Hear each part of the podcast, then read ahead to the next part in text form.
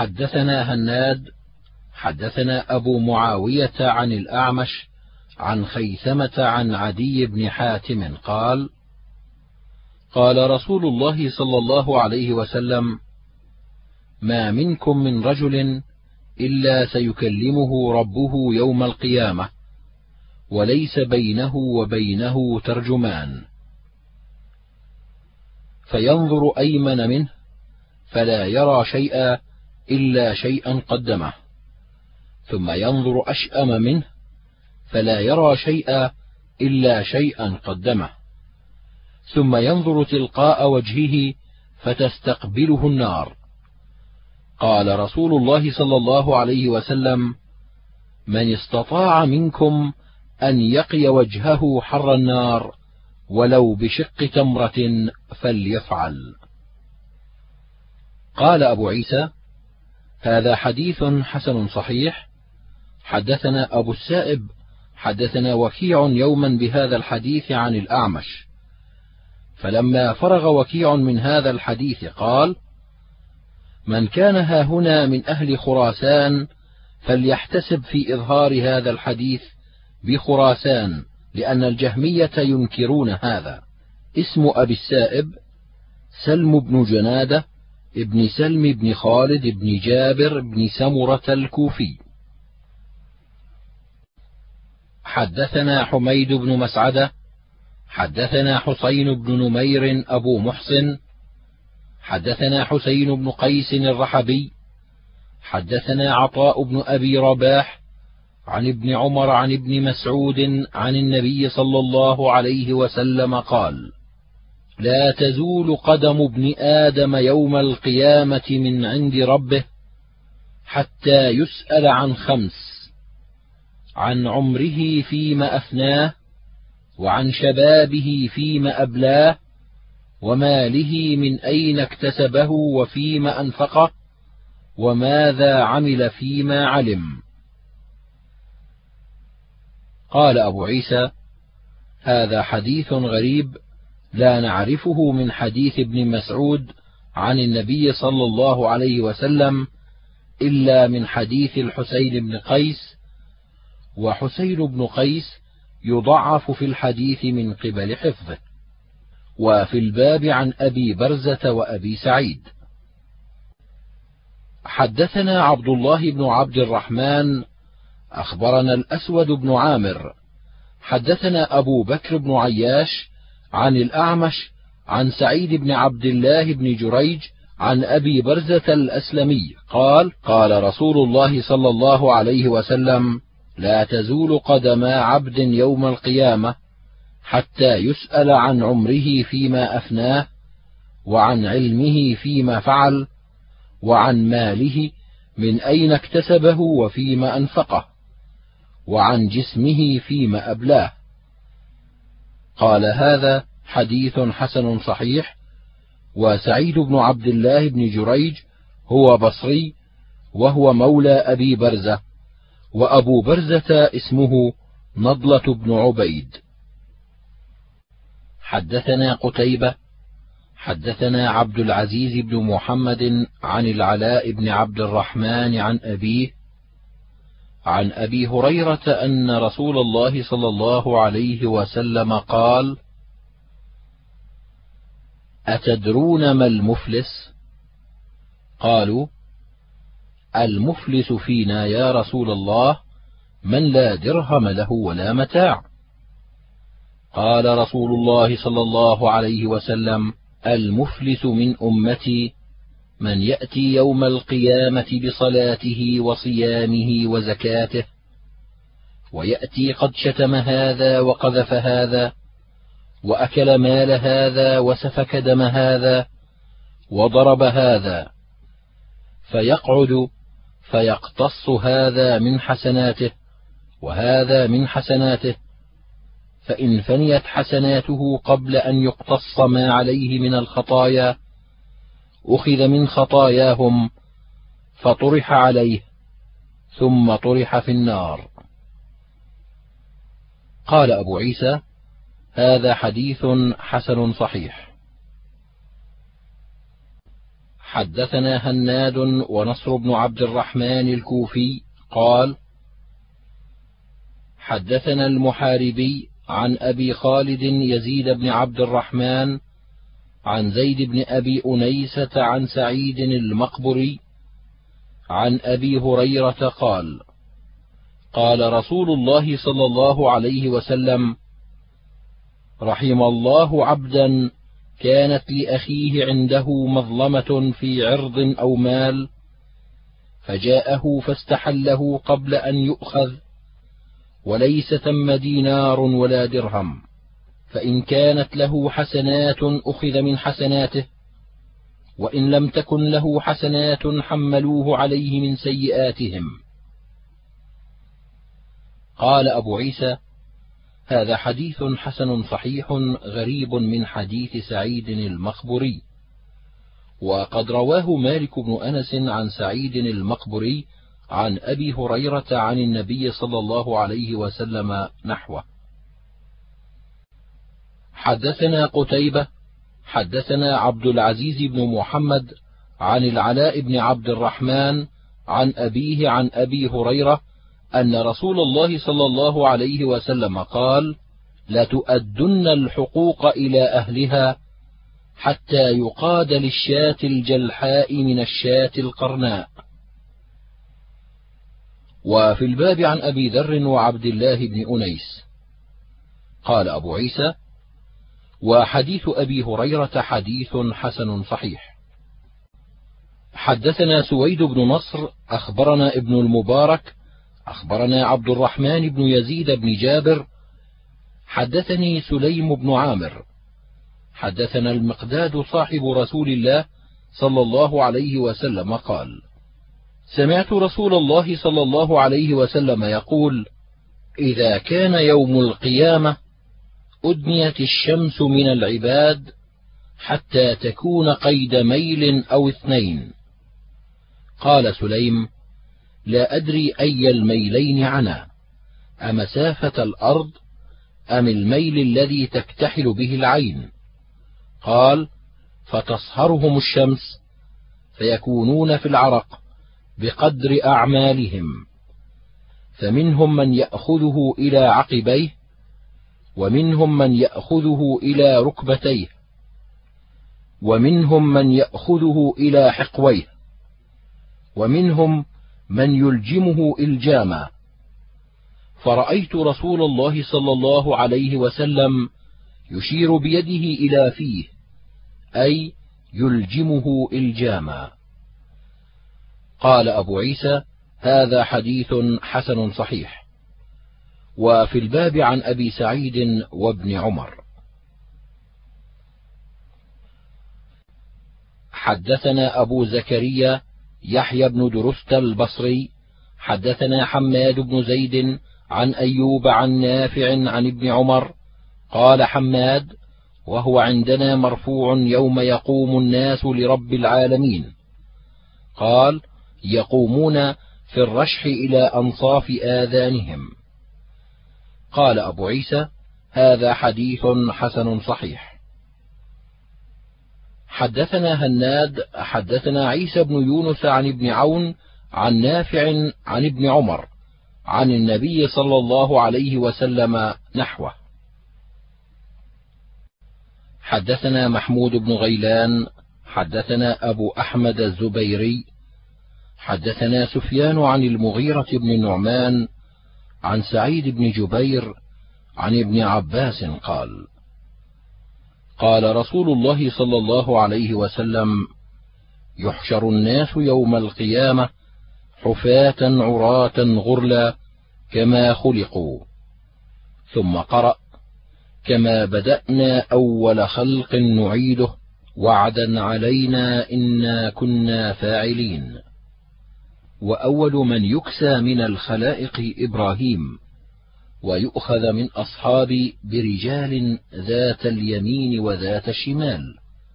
فأقول يا رب أصحابي فيقال إنك لا تدري ما احدثوا بعدك إنهم لم يزالوا مرتدين على أعقابهم منذ فارقتهم.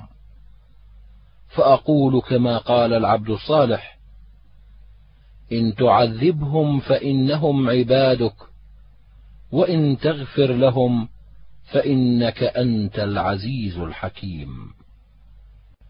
حدثنا محمد بن بشار ومحمد بن المثنى قالا حدثنا محمد بن جعفر عن شعبة عن المغيرة بن النعمان بهذا الإسناد فذكر نحوه. قال أبو عيسى هذا حديث حسن صحيح. حدثنا أحمد بن منيع حدثنا يزيد بن هارون أخبرنا بهز بن حكيم عن أبيه عن جده قال سمعت رسول الله صلى الله عليه وسلم يقول إنكم محشورون رجالا وركبانا وتجرون على وجوهكم. وفي الباب عن أبي هريرة قال أبو عيسى هذا حديث حسن صحيح. حدثنا أبو كريب حدثنا وكيع عن علي بن علي عن الحسن عن أبي هريرة قال قال رسول الله صلى الله عليه وسلم يعرض الناس يوم القيامة ثلاث عرضات فأما عرضتان فجدال ومعاذير وأما العرضة الثالثة فعند ذلك تطير الصحف في الأيدي فآخذ بيمينه وآخذ بشماله. قال أبو عيسى ولا يصح هذا الحديث من قبل أن الحسن لم يسمع من أبي هريرة وقد رواه بعضهم عن علي الرفاعي عن الحسن عن أبي موسى عن النبي صلى الله عليه وسلم. قال أبو عيسى ولا يصح هذا الحديث من قبل أن الحسن لم يسمع من أبي موسى. حدثنا سويد بن نصر أخبرنا ابن المبارك عن عثمان بن الأسود عن ابن أبي مليكة عن عائشة قالت سمعت رسول الله صلى الله عليه وسلم يقول من نوقش الحساب هلك. قلت يا رسول الله إن الله تعالى يقول فأما من أوتي كتابه بيمينه فسوف يحاسب حسابا يسيرا. قال ذلك العرض. قال أبو عيسى هذا حديث صحيح حسن. ورواه أيوب أيضا عن ابن أبي مليكة. حدثنا سويد بن نصر أخبرنا ابن المبارك أخبرنا إسماعيل بن مسلم عن الحسن وقتادة عن أنس عن النبي صلى الله عليه وسلم قال يجاء بابن آدم يوم القيامة كأنه بذج فيوقف بين يدي الله فيقول الله له أعطيتك وخولتك وأنعمت عليك فماذا صنعت؟ فيقول يا رب جمعته وثمرته فتركته أكثر ما كان فارجعني آتك به. فيقول له أرني ما قدمت.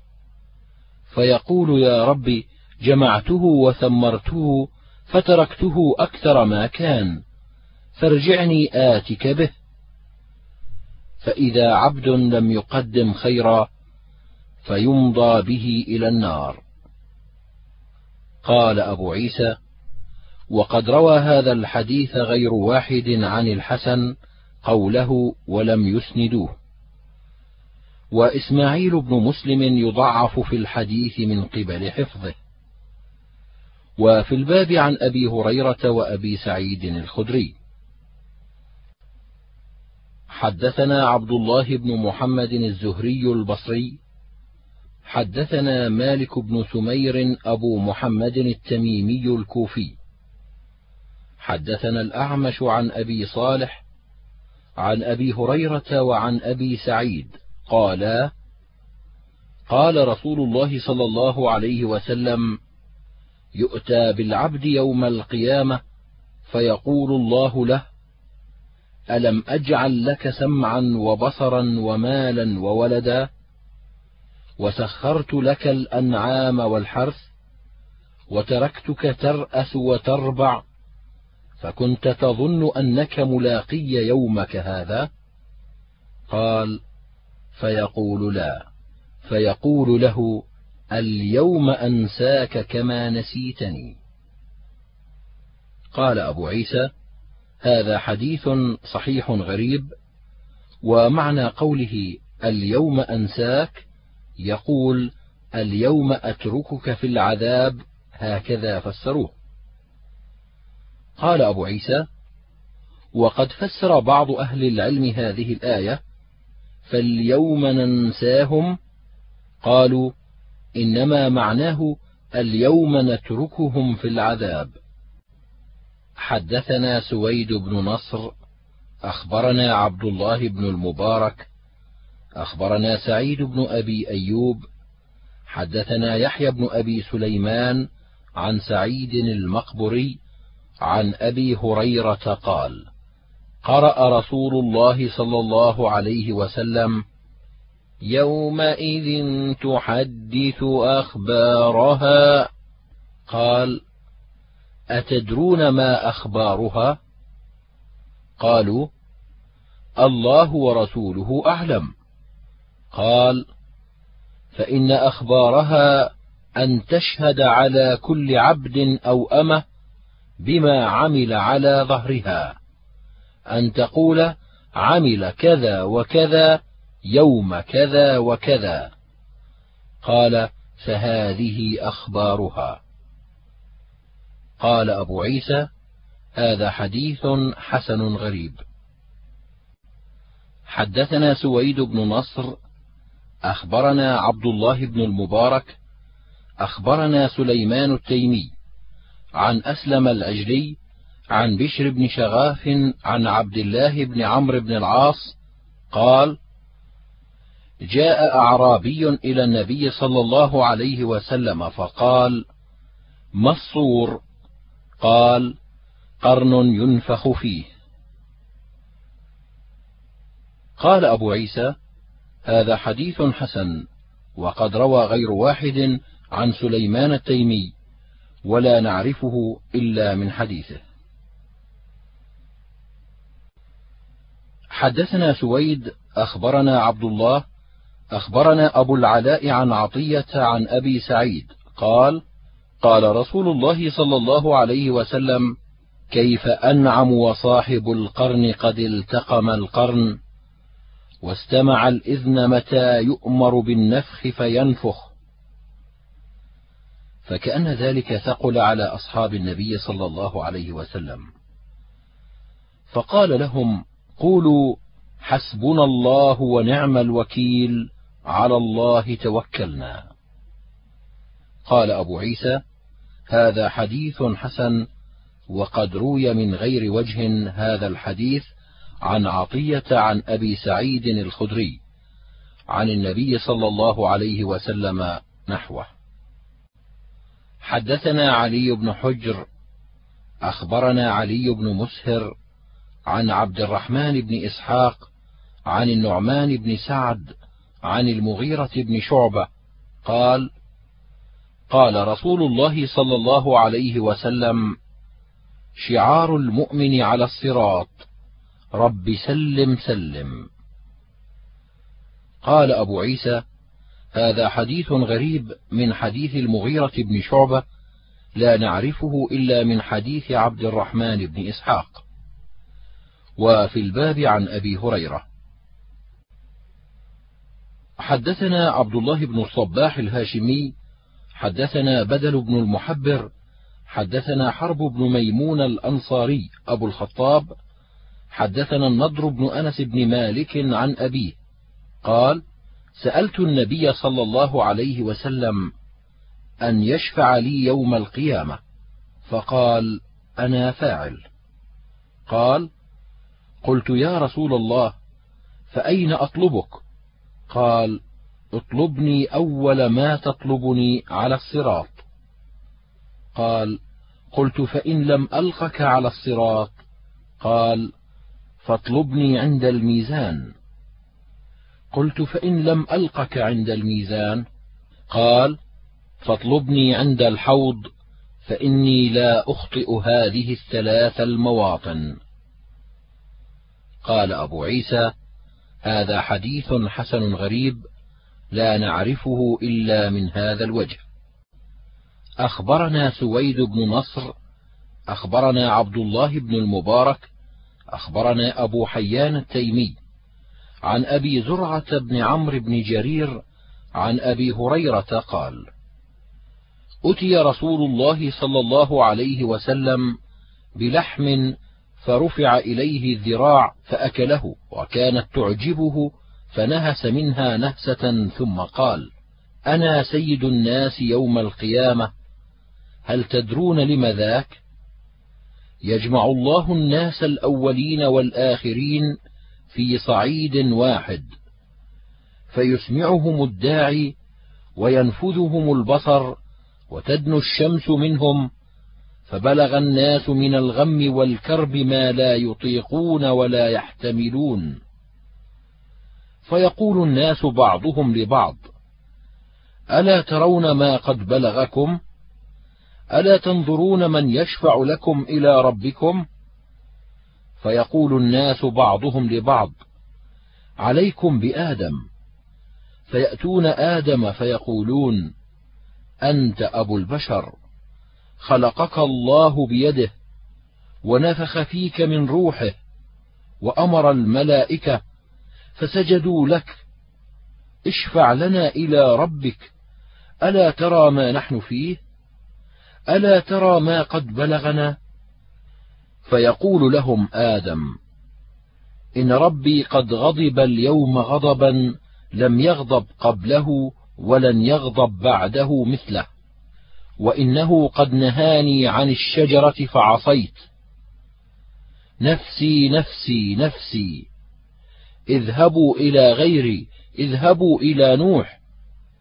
فيأتون نوحا فيقولون يا نوح أنت أول الرسل إلى أهل الأرض وقد سماك الله عبدا شكورا. اشفع لنا إلى ربك ألا ترى إلى ما نحن فيه؟ ألا ترى ما قد بلغنا؟ فيقول لهم نوح إن ربي قد غضب اليوم غضبا لم يغضب قبله مثله ولن يغضب بعده مثله وإنه قد كان لي دعوة دعوتها على قومي. نفسي نفسي نفسي اذهبوا إلى غيري اذهبوا إلى إبراهيم. فيأتون إبراهيم فيقولون يا إبراهيم أنت نبي الله وخليله من أهل الأرض اشفع لنا إلى ربك. ألا ترى ما نحن فيه؟ فيقول إن ربي قد غضب اليوم غضبا لم يغضب قبله مثله ولن يغضب بعده مثله. وإني قد كذبت ثلاث كذبات فذكرهن أبو حيان في الحديث نفسي نفسي نفسي. اذهبوا إلى غيري اذهبوا إلى موسى. فيأتون موسى فيقولون يا موسى أنت رسول الله فضلك الله برسالته وبكلامه على البشر اشفع لنا إلى ربك. ألا ترى ما نحن فيه؟ فيقول إن ربي قد غضب اليوم غضبا لم يغضب قبله مثله ولن يغضب بعده مثله. وإني قد قتلت نفسا لم أؤمر بقتلها. نفسي نفسي نفسي. اذهبوا إلى غيري اذهبوا إلى عيسى. فيأتون عيسى فيقولون يا عيسى أنت رسول الله وكلمته ألقاها إلى مريم وروح منه. وكلمت الناس في المهد اشفع لنا إلى ربك ألا ترى ما نحن فيه؟ فيقول عيسى إن ربي قد غضب اليوم غضبا لم يغضب قبله مثله ولن يغضب بعده مثله ولم يذكر ذنبا. نفسي نفسي نفسي اذهبوا إلى غيري اذهبوا إلى محمد. قال فيأتون محمدا فيقولون يا محمد أنت رسول الله وخاتم الأنبياء وقد غفر لك ما تقدم من ذنبك وما تأخر. اشفع لنا إلى ربك ألا ترى ما نحن فيه؟ فأنطلق فآتي تحت العرش فأخر ساجدا لربي. ثم يفتح الله علي من محامده وحسن الثناء عليه شيئا لم يفتحه على أحد قبلي. ثم يقال يا محمد ارفع رأسك سل تعطه واشفع تشفع فأرفع رأسي فأقول يا رب أمتي يا رب أمتي يا رب أمتي. فيقول يا محمد أدخل من أمتك من لا حساب عليه من الباب الأيمن من أبواب الجنة. وهم شركاء الناس فيما سوى ذلك من الأبواب. ثم قال والذي نفسي بيده ما بين المصراعين من مصاريع الجنة كما بين مكة وهجر وكما بين مكة وبصرى. وفي الباب عن أبي بكر الصديق وأنس وعقبة بن عامر وأبي سعيد. قال أبو عيسى هذا حديث حسن صحيح. وأبو حيان التيمي اسمه يحيى بن سعيد بن حيان كوفي وهو ثقة وأبو زرعة بن عمرو بن جرير اسمه هرم. حدثنا العباس العنبري حدثنا عبد الرزاق عن معمر عن ثابت عن أنس قال قال رسول الله صلى الله عليه وسلم شفاعتي لأهل الكبائر من أمتي. قال أبو عيسى هذا حديث حسن صحيح غريب من هذا الوجه وفي الباب عن جابر. حدثنا محمد بن بشار حدثنا أبو داود الطيالسي عن محمد بن ثابت البناني عن جعفر بن محمد عن أبيه عن جابر بن عبد الله قال قال رسول الله صلى الله عليه وسلم شفاعتي لأهل الكبائر من أمتي. قال محمد بن علي فقال لي جابر يا محمد من لم يكن من أهل الكبائر فما له وللشفاعة. قال أبو عيسى هذا حديث حسن غريب من هذا الوجه يستغرب من حديث جعفر بن محمد. حدثنا الحسن بن عرفة حدثنا إسماعيل بن عياش عن محمد بن زياد الألهاني قال سمعت أبا أمامة يقول سمعت رسول الله صلى الله عليه وسلم يقول وعدني ربي أن يدخل الجنة من أمتي سبعين ألفا لا حساب عليهم ولا عذاب مع كل ألف سبعون ألفا وثلاث حثيات من حثياته. قال أبو عيسى هذا حديث حسن غريب. حدثنا أبو كريب حدثنا إسماعيل بن إبراهيم عن خالد الحذاء عن عبد الله بن شقيق قال كنت مع رهط بإيلياء فقال رجل منهم سمعت رسول الله صلى الله عليه وسلم يقول يدخل الجنة بشفاعة رجل من أمتي أكثر من بني تميم. قيل يا رسول الله سواك؟ قال سواي. فلما قام قلت من هذا؟ قالوا هذا ابن أبي الجدعاء. قال أبو عيسى هذا حديث حسن صحيح غريب وابن أبي الجدعاء هو عبد الله وإنما يعرف له هذا الحديث الواحد. حدثنا أبو هشام الرفاعي عن عمر بن يزيد الكوفي حدثنا علي بن هلال عن جسر أبي جعفر عن الحسن البصري قال قال رسول الله صلى الله عليه وسلم يشفع عثمان بن عفان يوم القيامة في مثل ربيعة ومضر. حدثنا أبو عمار الحسين بن حريث أخبرنا الفضل بن موسى عن زكريا بن أبي زائدة عن عطية عن أبي سعيد أن رسول الله صلى الله عليه وسلم قال إن من أمتي من يشفع للفئام ومنهم من يشفع للقبيلة ومنهم من يشفع للعصبة ومنهم من يشفع للرجل حتى يدخل الجنة. قال أبو عيسى هذا حديث حسن.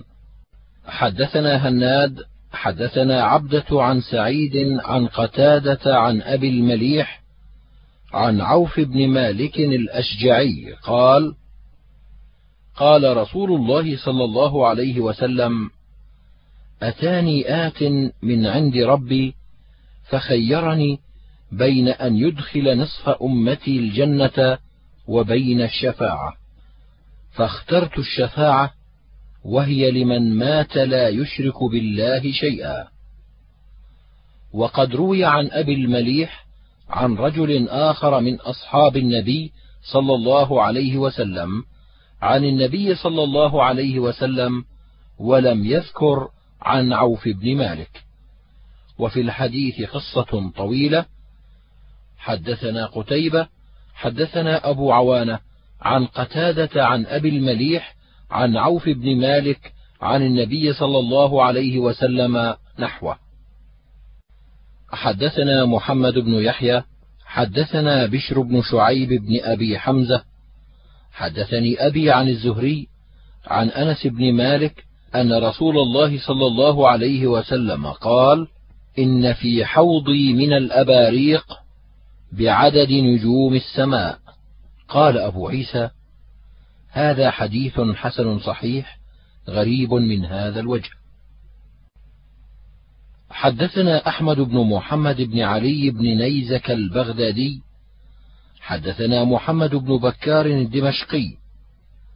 حدثنا سعيد بن بشير عن قتادة عن الحسن عن سمرة قال قال رسول الله صلى الله عليه وسلم إن لكل نبي حوضا.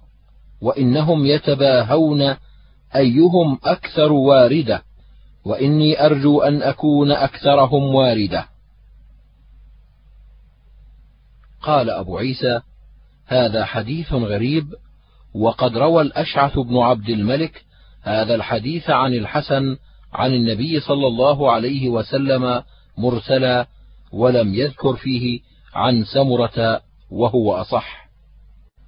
حدثنا محمد بن إسماعيل حدثنا يحيى بن صالح حدثنا محمد بن المهاجر عن العباس عن أبي سلام الحبشي قال بعث إلي عمر بن عبد العزيز فحملت على البريد قال فلما دخل عليه قال يا أمير المؤمنين لقد شق على مركب البريد. فقال يا أبا سلام ما أردت أن أشق عليك ولكن بلغني عنك حديث تحدثه عن ثوبان عن النبي صلى الله عليه وسلم في الحوض فأحببت أن تشافهني به. قال أبو سلام حدثني ثوبان عن النبي صلى الله عليه وسلم قال حوضي من عدن إلى عمان البلقاء. ماؤه أشد بياضا من اللبن وأحلى من العسل وأكاويبه عدد نجوم السماء من شرب منه شربة لم يظمأ بعدها أبدا. أول الناس ورودا عليه فقراء المهاجرين الشعث رؤوسا الدنس ثيابا الذين لا ينكحون المتنعمات ولا تفتح لهم أبواب السدد. قال عمر لكني نكحت المتنعمات وفتح لي السدد ونكحت فاطمة بنت عبد الملك. لا جرم أني لا أغسل رأسي حتى يشعث ولا أغسل ثوبي الذي يلي جسدي حتى يتسخ. قال أبو عيسى هذا حديث غريب من هذا الوجه وقد روي هذا الحديث عن معدان بن أبي طلحة عن ثوبان عن النبي صلى الله عليه وسلم وأبو سلام الحبشي اسمه ممطور وهو شامي ثقة. حدثنا محمد بن بشار حدثنا أبو عبد الصمد العمي عبد العزيز بن عبد الصمد. حدثنا أبو عمران الجوني عن عبد الله بن الصامت عن أبي ذر قال قلت يا رسول الله ما آنية الحوض؟ قال والذي نفسي بيده لآنيته أكثر من عدد نجوم السماء وكواكبها في ليلة مظلمة مصحية من آنية الجنة. من شرب منها شربة لم يظمأ.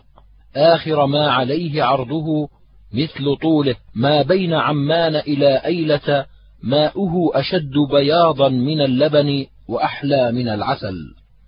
قال أبو عيسى هذا حديث حسن صحيح غريب وفي الباب عن حذيفة بن اليمان وعبد الله بن عمرو وأبي برزة الأسلمي وابن عمر وحارثة بن وهب والمستورد بن شداد. وروي عن ابن عمر عن النبي صلى الله عليه وسلم قال حوضي كما بين الكوفة إلى الحجر الأسود حدثنا أبو حسين عبد الله بن أحمد بن يونس كوفي حدثنا عبثر بن القاسم. حدثنا حسين هو ابن عبد الرحمن عن سعيد بن جبير عن ابن عباس قال لما أسري بالنبي صلى الله عليه وسلم جعل يمر بالنبي والنبيين ومعهم القوم والنبي والنبيين ومعهم الرهط والنبي والنبيين وليس معهم أحد حتى مر بسواد عظيم. فقلت من هذا؟ قيل موسى وقومه ولكن ارفع رأسك فانظر. قال فإذا سواد عظيم قد سد الأفق من ذا الجانب ومن ذا الجانب. فقيل هؤلاء أمتك وسوى هؤلاء من أمتك سبعون ألفا يدخلون الجنة بغير حساب. فدخل ولم يسألوه ولم يفسر لهم فقالوا نحن هم. وقال قائلون هم أبناؤنا الذين ولدوا على الفطرة والإسلام فخرج النبي صلى الله عليه وسلم فقال هم الذين لا يكتوون ولا يسترقون ولا يتطيرون وعلى ربهم يتوكلون. فقام عكاشة بن محصن فقال أنا منهم يا رسول الله؟ قال نعم. ثم قام آخر فقال أنا منهم؟ فقال سبقك بها عكاشة. قال أبو عيسى هذا حديث حسن صحيح. وفي الباب عن ابن مسعود وأبي هريرة حدثنا محمد بن عبد الله بن بزيع حدثنا زياد بن الربيع حدثنا أبو عمران الجوني عن أنس بن مالك قال ما أعرف شيئا مما كنا عليه على عهد النبي صلى الله عليه وسلم. فقلت أين الصلاة؟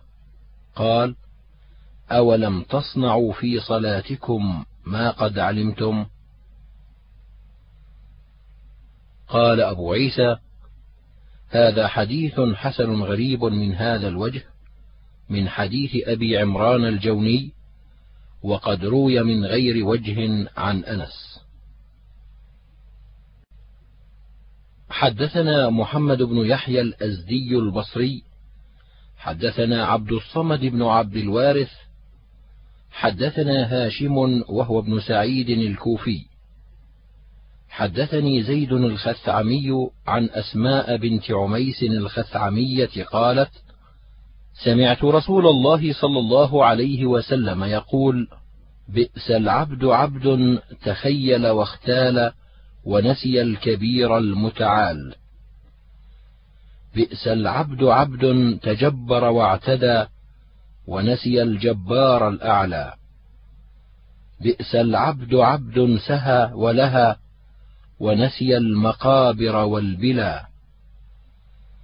بئس العبد عبد عتى وطغى ونسي المبتدى والمنتهى.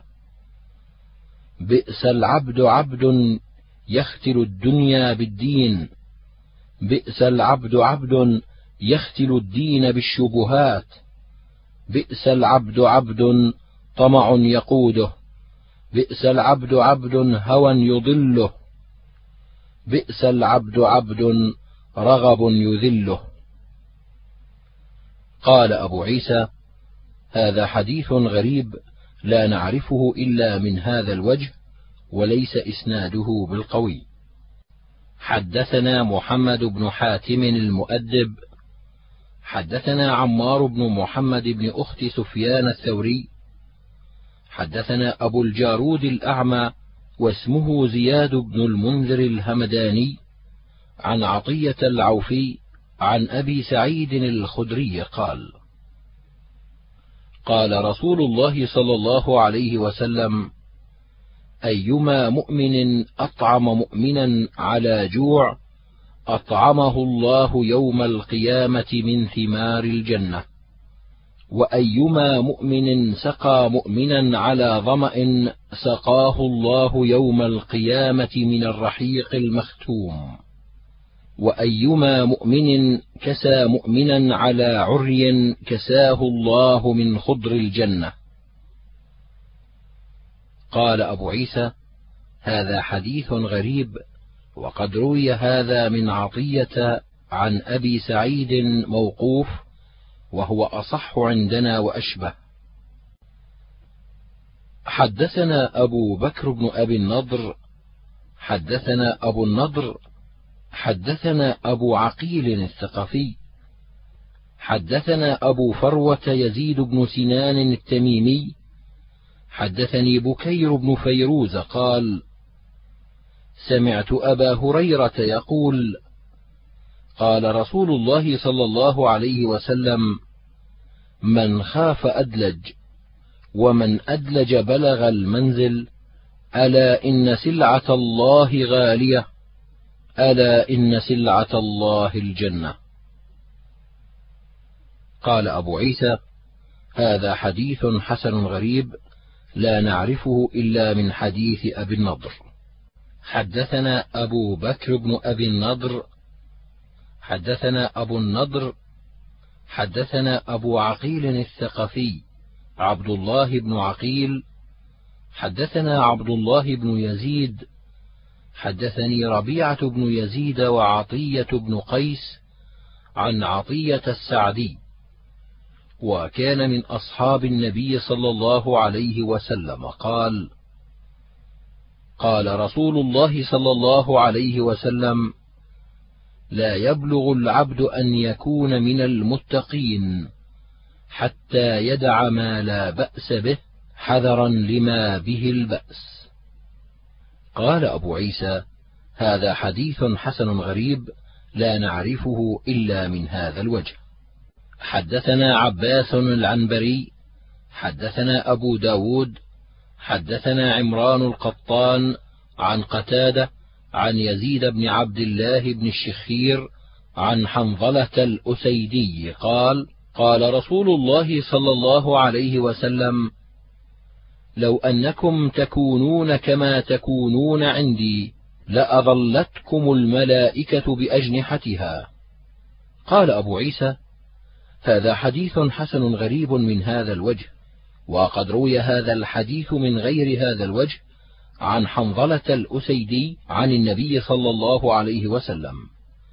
وفي الباب عن أبي هريرة حدثنا يوسف بن سليمان أبو عمر البصري حدثنا حاتم بن إسماعيل عن ابن عجلان عن القعقاع بن حكيم عن أبي صالح عن أبي هريرة عن النبي صلى الله عليه وسلم قال إن لكل شيء شرة ولكل شرة فترة فإن كان صاحبها سدد وقارب فأرجوه وإن أشير إليه بالأصابع فلا تعدوه.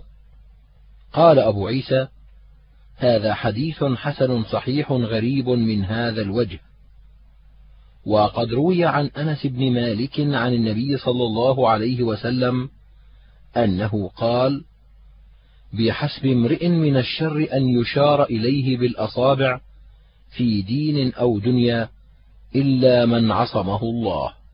حدثنا محمد بن بشار حدثنا يحيى بن سعيد حدثنا سفيان عن أبيه عن أبي يعلى عن الربيع بن خثيم عن عبد الله بن مسعود قال خط لنا رسول الله صلى الله عليه وسلم خطا مربعا وخط في وسط الخط خطا وخط خارجا من الخط خطا وحول الذي في الوسط خطوطا فقال هذا ابن آدم وهذا أجله محيط به وهذا الذي في الوسط الإنسان. وهذه الخطوط عروضه إن نجا من هذا ينهشه هذا. والخط الخارج الأمل. هذا حديث صحيح. حدثنا قتيبة حدثنا أبو عوانة عن قتادة عن أنس قال قال رسول الله صلى الله عليه وسلم يهرم ابن آدم ويشب منه اثنان. الحرص على المال والحرص على العمر. هذا حديث حسن صحيح. حدثنا أبو هريرة محمد بن فراس البصري حدثنا أبو قتيبة سلم بن قتيبة حدثنا أبو العوام وهو عمران القطان عن قتادة عن مطرف بن عبد الله بن الشخير عن أبيه قال قال رسول الله صلى الله عليه وسلم مثل ابن آدم وإلى جنبه تسعة وتسعون منية إن أخطأته المنايا وقع في الهرم. قال أبو عيسى هذا حديث حسن صحيح غريب. حدثنا هناد وحدثنا قبيصة عن سفيان عن عبد الله بن محمد بن عقيل عن الطفيل بن أبي بن كعب عن أبيه قال كان رسول الله صلى الله عليه وسلم إذا ذهب ثلثاء الليل قام فقال يا أيها الناس اذكروا الله اذكروا الله جاءت الراجفة تتبعها الرادفة. جاء الموت بما فيه جاء الموت بما فيه. قال أبي قلت يا رسول الله إني أكثر الصلاة عليك فكم أجعل لك من صلاتي؟ فقال ما شئت. قال قلت الربع. قال ما شئت.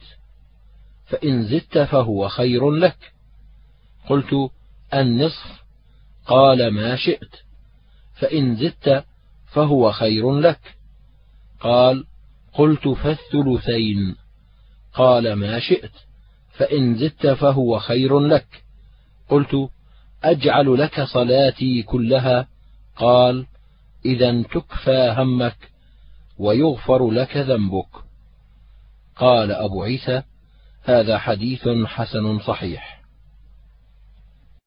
حدثنا يحيى بن موسى حدثنا محمد بن عبيد عن ابان بن إسحاق عن الصباح بن محمد عن مرة الهمداني عن عبد الله بن مسعود قال قال رسول الله صلى الله عليه وسلم استحيوا من الله حق الحياء. قال قلنا يا رسول الله إنا نستحيي والحمد لله. قال ليس ذاك ولكن الاستحياء من الله حق الحياء أن تحفظ الرأس وما وعى والبطن وما حوى ولتذكر الموت والبلى. ومن أراد الآخرة ترك زينة الدنيا فمن فعل ذلك فقد استحيا من الله. حق الحياء. قال أبو عيسى هذا حديث إنما نعرفه من هذا الوجه من حديث ابان بن إسحاق عن الصباح بن محمد. حدثنا سفيان بن وكيع حدثنا عيسى بن يونس عن أبي بكر بن أبي مريم وحدثنا عبد الله بن عبد الرحمن أخبرنا عمرو بن عون أخبرنا ابن المبارك عن أبي بكر بن أبي مريم عن ضمرة بن حبيب عن شداد بن أوس عن النبي صلى الله عليه وسلم قال الكيس من دان نفسه وعمل لما بعد الموت والعاجز من أتبع نفسه هواها وتمنى على الله.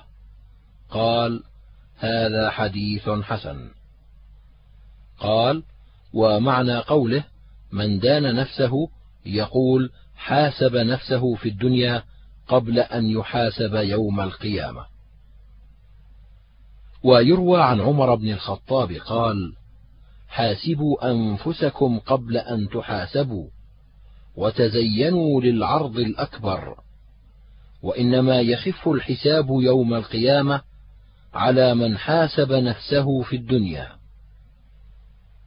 ويروى عن ميمون بن مهران قال لا يكون العبد تقيا حتى يحاسب نفسه كما يحاسب شريكه من أين مطعمه وملبسه.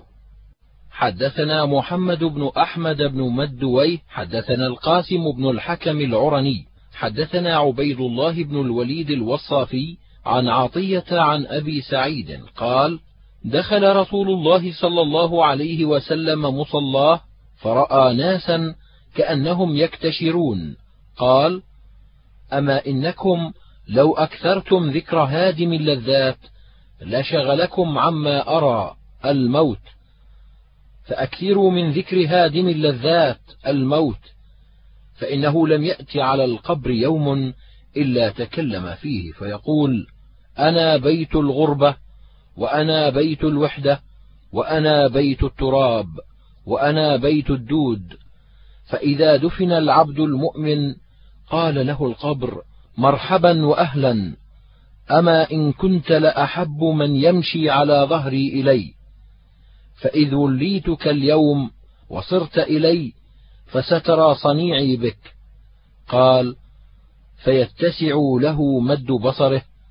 ويفتح له باب إلى الجنة. وإذا دفن العبد الفاجر أو الكافر قال له القبر لا مرحبا ولا أهلا أما إن كنت لأبغض من يمشي على ظهري إلي فإذ وليتك اليوم وصرت إلي فسترى صنيعي بك. قال فيلتئم عليه حتى تلتقي عليه وتختلف أضلاعه.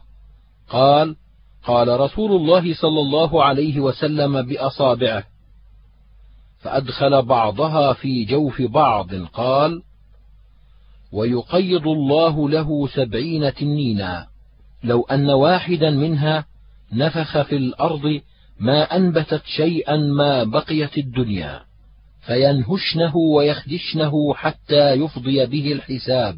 قال قال رسول الله صلى الله عليه وسلم إنما القبر روضة من رياض الجنة أو حفرة من حفر النار.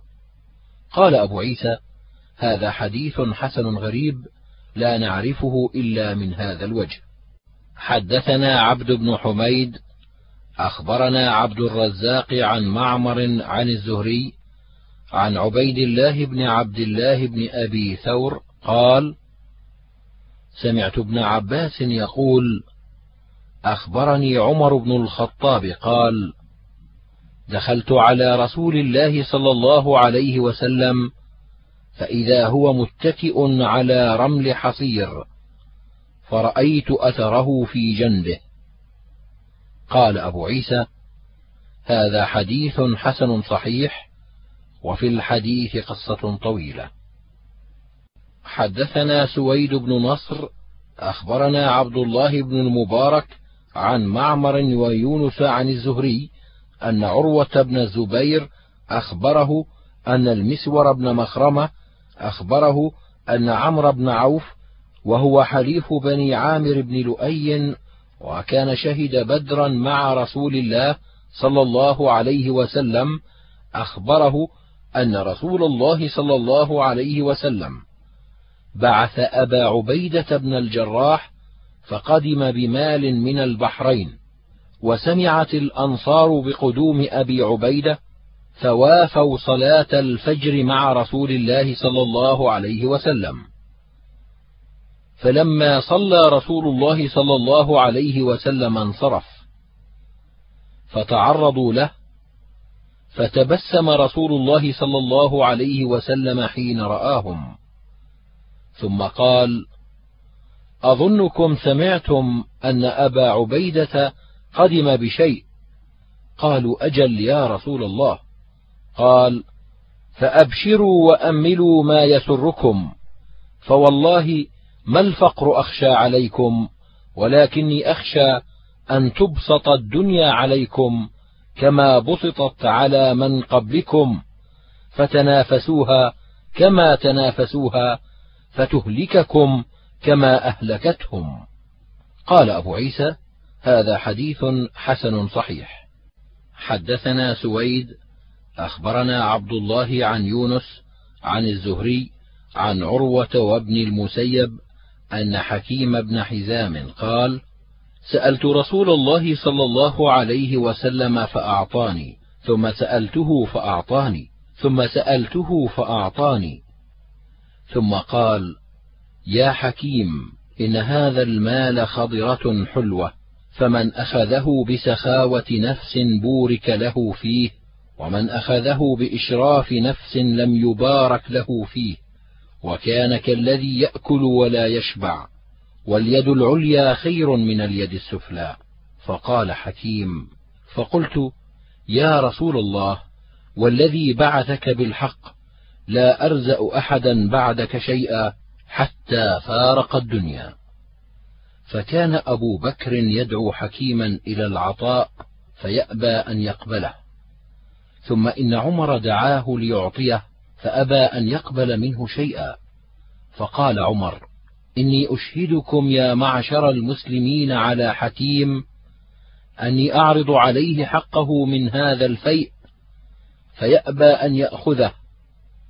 فلم يرزأ حكيم أحدا من الناس شيئا بعد رسول الله صلى الله عليه وسلم حتى توفي.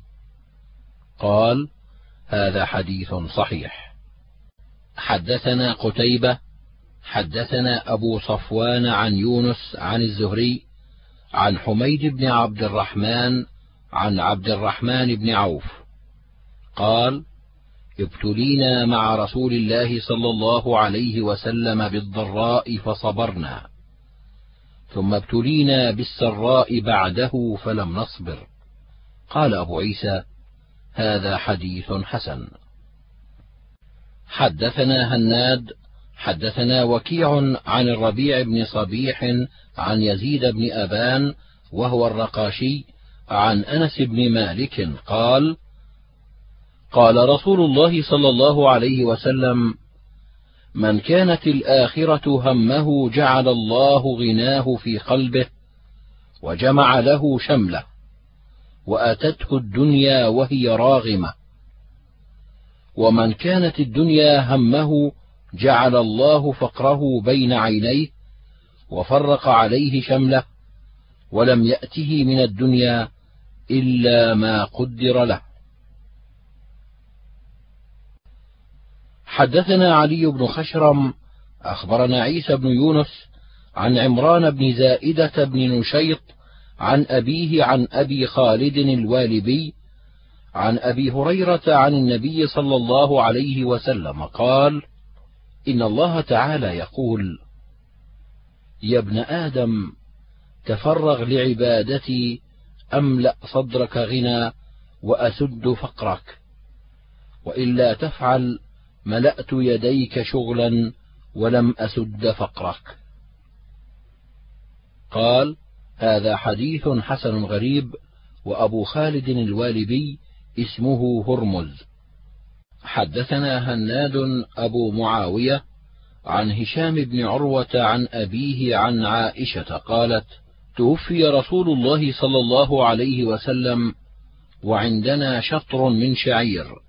فأكلنا منه ما شاء الله ثم قلت للجارية كيليه فكالته فلم يلبث أن فني قالت فلو كنا تركناه لأكلنا منه أكثر من ذلك.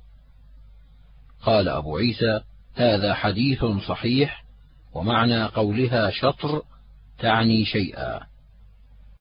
حدثنا هناد حدثنا أبو معاوية عن داود بن أبي هند عن عزرة عن حميد بن عبد الرحمن الحميري عن سعد بن هشام عن عائشة قالت كان لنا قرام ستر فيه تماثيل على بابي فرآه رسول الله صلى الله عليه وسلم فقال انزعيه فإنه يذكرني الدنيا. قالت وكان لنا سمل قطيفة تقول علمها من حرير كنا نلبسها. قال أبو عيسى هذا حديث حسن صحيح غريب من هذا الوجه. حدثنا هناد حدثنا عبدة عن هشام بن عروة عن أبيه عن عائشة قالت كانت وسادة رسول الله صلى الله عليه وسلم التي يضطجع عليها من أدم حشوها ليف. قال أبو عيسى هذا حديث صحيح. حدثنا محمد بن بشار حدثنا يحيى بن سعيد عن سفيان عن أبي إسحاق عن أبي ميسرة عن عائشة أنهم ذبحوا شاة فقال النبي صلى الله عليه وسلم ما بقي منها؟ قالت ما بقي منها إلا كتفها. قال بقي كلها غير كتفها. قال أبو عيسى هذا حديث صحيح وأبو ميسرة هو الهمداني اسمه عمرو بن شرحبيل. حدثنا هارون بن إسحاق الهمداني حدثنا عبدة عن هشام بن عروة عن أبيه عن عائشة قالت إن كنا آل محمد نمكث شهرا ما نستوقد بنار إن هو إلا الماء والتمر. قال هذا حديث صحيح. حدثنا عبد الله بن عبد الرحمن حدثنا روح بن أسلم أبو حاتم البصري حدثنا حماد بن سلمة حدثنا ثابت عن أنس قال لقد أخفت في الله وما يخاف أحد. ولقد أوذيت في الله وما يؤذى أحد. ولقد أتت علي ثلاثون من بين يوم وليلة وما لي ولبلال طعام يأكله ذو كبد إلا شيء يواريه إبط بلال. قال أبو عيسى هذا حديث حسن غريب. ومعنى هذا الحديث حين خرج النبي صلى الله عليه وسلم هاربا من مكة ومعه بلال إنما كان مع بلال من الطعام ما يحمله تحت إبطه. حدثنا هناد حدثنا يونس بن بكير عن محمد بن إسحاق. حدثنا يزيد بن زياد عن محمد بن كعب القرظي.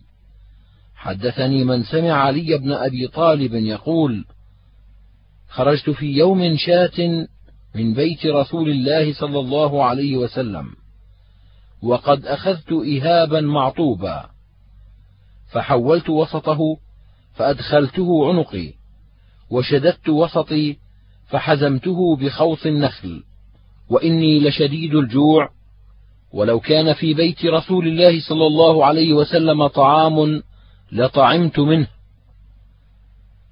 فخرجت ألتمس شيئا فمررت بيهودي في مال له وهو يسقي ببكرة له.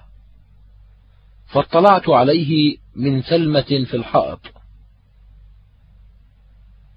فقال ما لك يا أعربي هل لك في كل دلو بتمرة؟ قلت نعم. فافتح الباب حتى أدخل ففتح فدخلت فأعطاني دلوه فكلما نزعت دلوا أعطاني تمرة حتى إذا امتلأت كفي أرسلت دلوه وقلت حسبي فأكلتها. ثم جرعت من الماء فشربت ثم جئت المسجد فوجدت رسول الله صلى الله عليه وسلم فيه. قال أبو عيسى هذا حديث حسن غريب. حدثنا أبو حفص عمرو بن علي حدثنا محمد بن جعفر حدثنا شعبة عن عباس الجريري قال سمعت أبا عثمان النهدي يحدث عن أبي هريرة أنه أصابهم جوع فأعطاهم رسول الله صلى الله عليه وسلم تمرة تمرة. قال أبو عيسى هذا حديث حسن صحيح. حدثنا هناد حدثنا عبدة عن هشام بن عروة عن أبيه عن وهب بن كيسان عن جابر بن عبد الله قال بعثنا رسول الله صلى الله عليه وسلم ونحن ثلاثمائة نحمل زادنا على رقابنا ففني زادنا حتى إن كان يكون للرجل منا كل يوم تمرة فقيل له يا أبا عبد الله وأين كانت تقع التمرة من الرجل؟ فقال لقد وجدنا فقدها حين فقدناها وأتينا البحر فإذا نحن بحوت قد قذفه البحر فأكلنا منه ثمانية عشر يوما ما أحببنا. قال أبو عيسى هذا حديث صحيح. وقد روي من غير وجه عن جابر بن عبد الله ورواه مالك بن أنس عن وهب بن كيسان أتم من هذا وأطول. حدثنا هناد حدثنا يونس بن بكير عن محمد بن إسحاق. حدثني يزيد بن زياد عن محمد بن كعب القرظي. حدثني من سمع علي بن أبي طالب يقول إنا لجلوس مع رسول الله صلى الله عليه وسلم في المسجد إذ طلع مصعب بن عمير ما عليه إلا بردة له مرقوعة بفرو. فلما رآه رسول الله صلى الله عليه وسلم بكى للذي كان فيه من النعمة والذي هو اليوم فيه. ثم قال رسول الله صلى الله عليه وسلم كيف بكم إذا غدا أحدكم في حلة وراح في حلة ووضعت بين يديه صحفة ورفعت أخرى وسترتم بيوتكم كما تستر الكعبة قالوا يا رسول الله نحن يومئذ خير منا اليوم نتفرغ للعباده ونكفى المؤنة فقال رسول الله صلى الله عليه وسلم لأنتم اليوم خير منكم يومئذ قال أبو عيسى هذا حديث حسن. ويزيد بن زياد هو ابن ميسرة وهو مدني. وقد روى عنه مالك بن أنس وغير واحد من أهل العلم. ويزيد بن زياد الدمشقي الذي روى عن الزهري روى عنه وكيع ومروان بن معاوية. ويزيد بن أبي زياد كوفي. حدثنا هناد حدثنا يونس بن بكير حدثني عمر بن ذر حدثنا مجاهد عن أبي هريرة قال كان أهل الصفة أضياف أهل الإسلام لا يأوون على أهل ولا مال. والله الذي لا إله إلا هو إن كنت لأعتمد بكبدي على الأرض من الجوع وأشد الحجر على بطني من الجوع ولقد قعدت يوما على طريقهم الذي يخرجون فيه فمر بي أبو بكر فسألته عن آية من كتاب الله ما أسأله إلا ليشبعني فمر ولم يفعل ثم مر بي عمر فسألته عن آية من كتاب الله ما أسأله إلا ليشبعني فمر ولم يفعل ثم مر أبو القاسم صلى الله عليه وسلم. فتبسم حين رآني وقال أبا هريرة قلت لبيك يا رسول الله. قال الحق ومضى فاتبعته ودخل منزله. فاستأذنت فأذن لي فوجد قدحا من لبن فقال من أين هذا اللبن لكم؟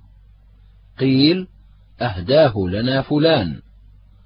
فقال رسول الله صلى الله عليه وسلم أبا هريرة؟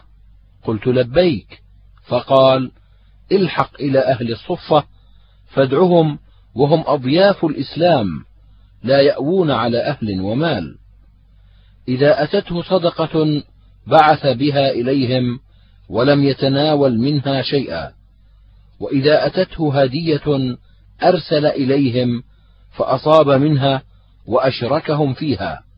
فساءني ذلك. وقلت ما هذا القدح بين أهل الصفة؟ وأنا رسوله إليهم. فسيأمرني أن أديره عليهم. فما عسى أن يصيبني منه. وقد كنت أرجو أن أصيب منه ما يغنيني. ولم يكن بد من طاعة الله وطاعة رسوله. فأتيتهم فدعوتهم. فلما دخلوا عليه فأخذوا مجالسهم فقال أبو هريرة خذ القدح وأعطهم. فأخذت القدح فجعلت أناوله الرجل فيشرب حتى يروى ثم يرده فأناوله الآخر حتى انتهيت به إلى رسول الله صلى الله عليه وسلم. وقد روي القوم كلهم فأخذ رسول الله صلى الله عليه وسلم القدح فوضعه على يديه ثم رفع رأسه فتبسم فقال أبا هريرة اشرب. فشربت ثم قال اشرب.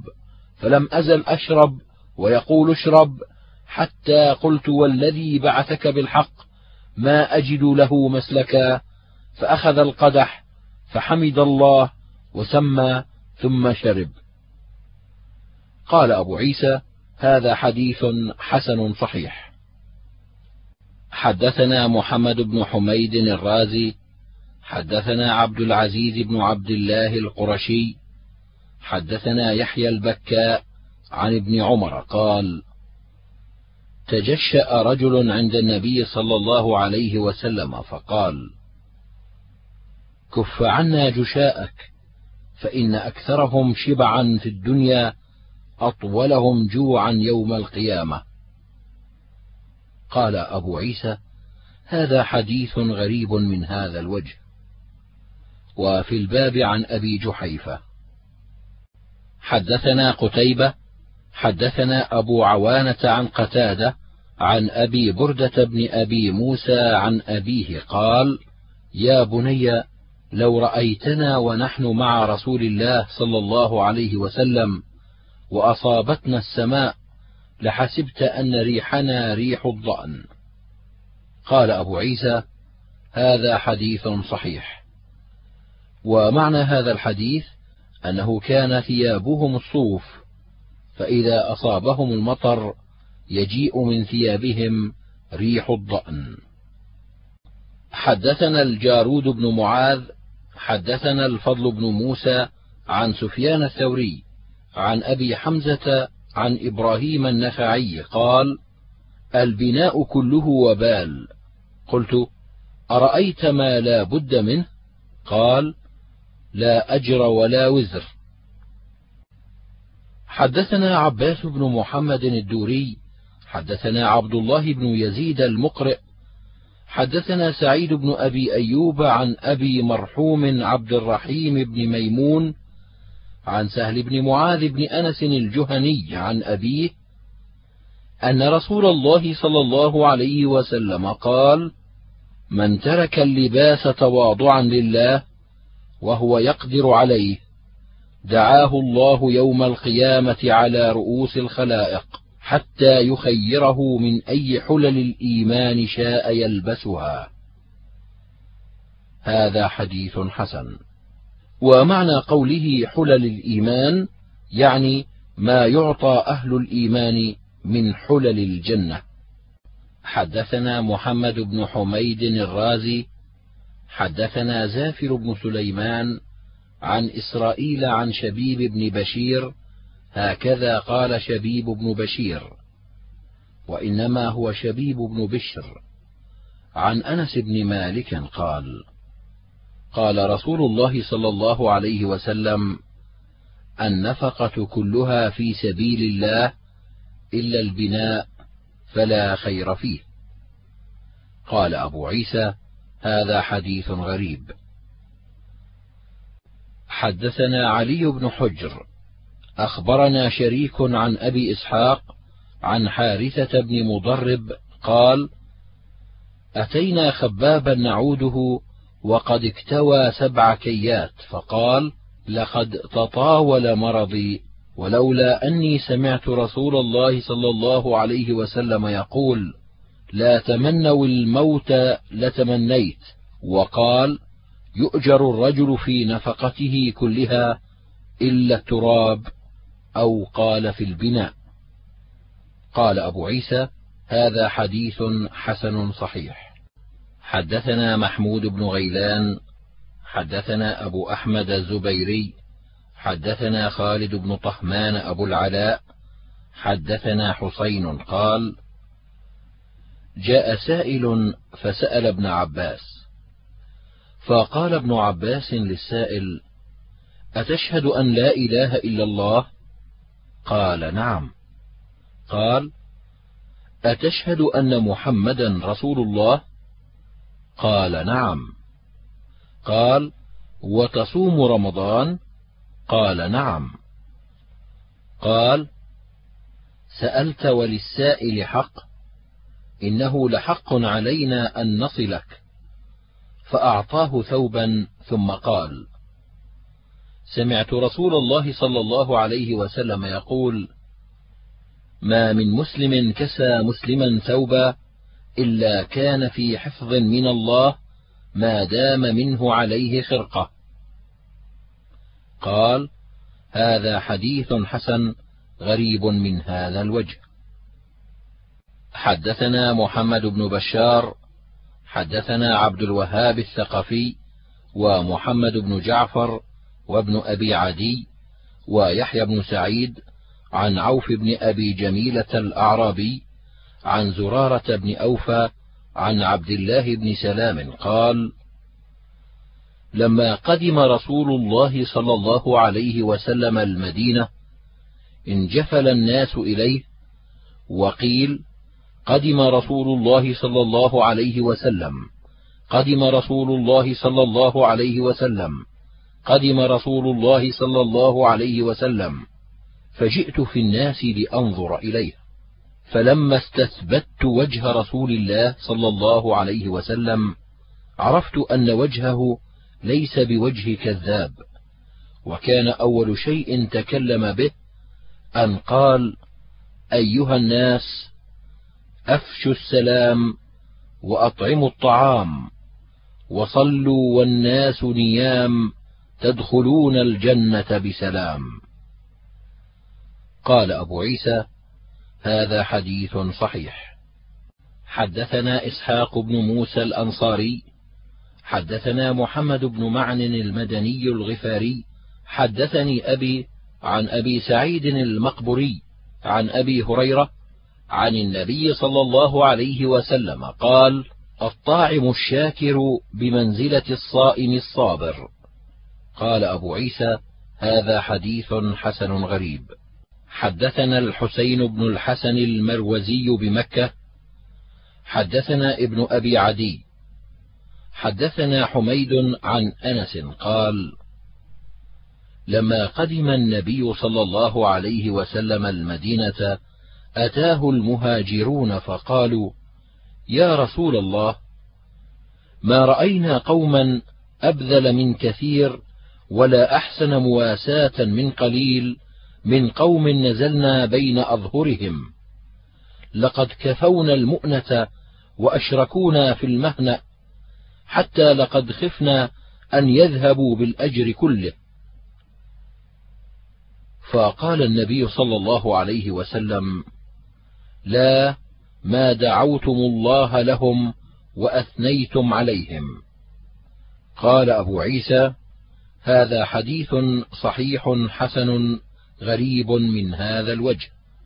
حدثنا هناد حدثنا عبدة عن هشام بن عروة عن موسى بن عقبة عن عبد الله بن عمرو الأودي عن عبد الله بن مسعود قال قال رسول الله صلى الله عليه وسلم ألا أخبركم بمن يحرم على النار أو بمن تحرم عليه النار؟ على كل قريب هين سهل. قال أبو عيسى هذا حديث حسن غريب.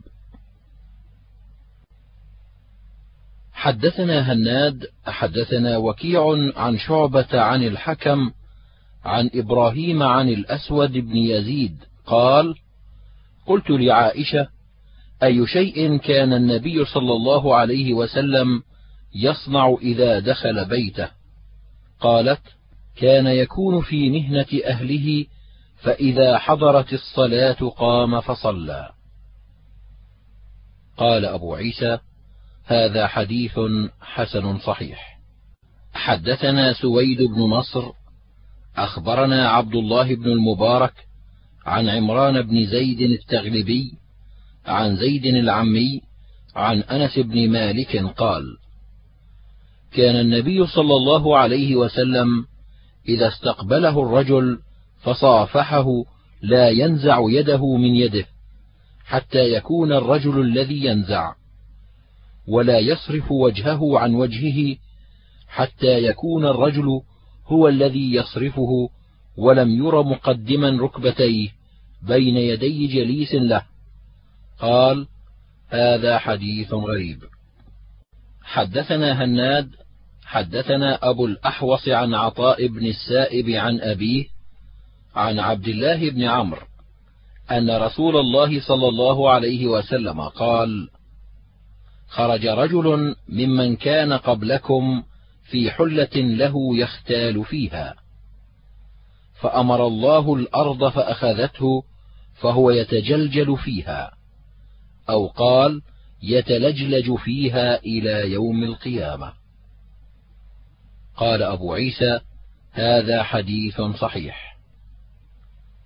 حدثنا سويد بن نصر أخبرنا عبد الله بن المبارك عن محمد بن عجلان عن عمرو بن شعيب عن أبيه عن جده عن النبي صلى الله عليه وسلم قال يحشر المتكبرون يوم القيامة أمثال الذر في صور الرجال. يغشاهم الذل من كل مكان فيساقون إلى سجن في جهنم يسمى بولس تعلوهم نار الأنيار يسقون من عصارة أهل النار طينة الخبال. قال أبو عيسى هذا حديث حسن صحيح. حدثنا عبد بن حميد وعباس بن محمد الدوري قالا حدثنا عبد الله بن يزيد المقرئ حدثنا سعيد بن أبي أيوب حدثني أبو مرحوم عبد الرحيم بن ميمون عن سهل بن معاذ بن أنس عن أبيه. أن النبي صلى الله عليه وسلم قال من كظم غيظا وهو يقدر على أن ينفذه دعاه الله على رؤوس الخلائق يوم القيامة حتى يخيره في أي الحور شاء. قال هذا حديث حسن غريب. حدثنا سلمة بن شبيب حدثنا عبد الله بن إبراهيم الغفاري المدني. حدثني أبي عن أبي بكر المنكدر عن جابر قال قال رسول الله صلى الله عليه وسلم ثلاث من كن فيه ستر الله عليه كنفه وأدخله جنته رفق بالضعيف وشفقة على الوالدين وإحسان إلى المملوك. قال هذا حديث حسن غريب وأبو بكر بن المنكدر هو أخو محمد بن المنكدر. حدثنا هناد حدثنا أبو الأحوص عن ليث عن شهر بن حوشب عن عبد الرحمن بن غنم عن أبي ذر قال قال رسول الله صلى الله عليه وسلم يقول الله تعالى يا عبادي كلكم ضال إلا من هديته فسلوني الهدى أهدكم وكلكم فقير إلا من أغنيت فسلوني أرزقكم وكلكم مذنب إلا من عافيت فمن علم منكم أني ذو قدرة على المغفرة فاستغفرني غفرت له ولا أبالي. ولو أن أولكم وآخركم وحيكم وميتكم ورطبكم ويابسكم اجتمعوا على أتقى قلب عبد من عبادي. ما زاد ذلك في ملكي جناح بعوضة.